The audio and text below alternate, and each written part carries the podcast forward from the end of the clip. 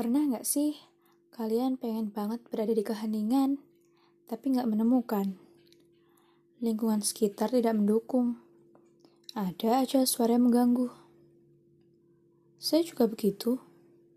Tidak suka dengan suara berisik. Apalagi saat sedang membaca, belajar, atau mendengarkan musik. Bahkan untuk membuat podcast seperti ini, saya kesulitan. Jadi, maaf ya kalau selama ini podcastnya masih banyak noise, banyak backsound-backsound gak jelas gitu. Ya, suara detak jam pun bisa jadi mengganggu pada saat itu. Oke, okay, back to the topic. Saya bisa jadi sangat pemarah di saat seperti itu. Saya harus pergi ke mana agar bisa menemukan keheningan yang saya inginkan. Tapi anehnya, saat keheningan itu datang, saya malah tak mengharapkannya. Dia selalu datang di saat yang tidak tepat, membuat saya merasa sendiri dan kesepian. Aneh ya? Terkadang dia bisa menjadi sesuatu yang menyenangkan, sesuatu yang diharapkan.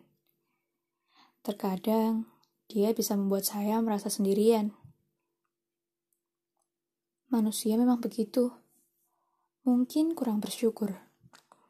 Mungkin kurang dapat mengerti dan hanya mementingkan diri sendiri. Nanti, jika semuanya pergi dan tak ada yang mengganggu lagi, baru kita tahu rasanya benar-benar sendiri dan berada dalam keheningan itu seorang diri. Sebelum itu terjadi, syukurilah semua yang kau miliki. Nikmati saja semua gangguan itu. Lah, gangguan kok dinikmati? Gimana sih?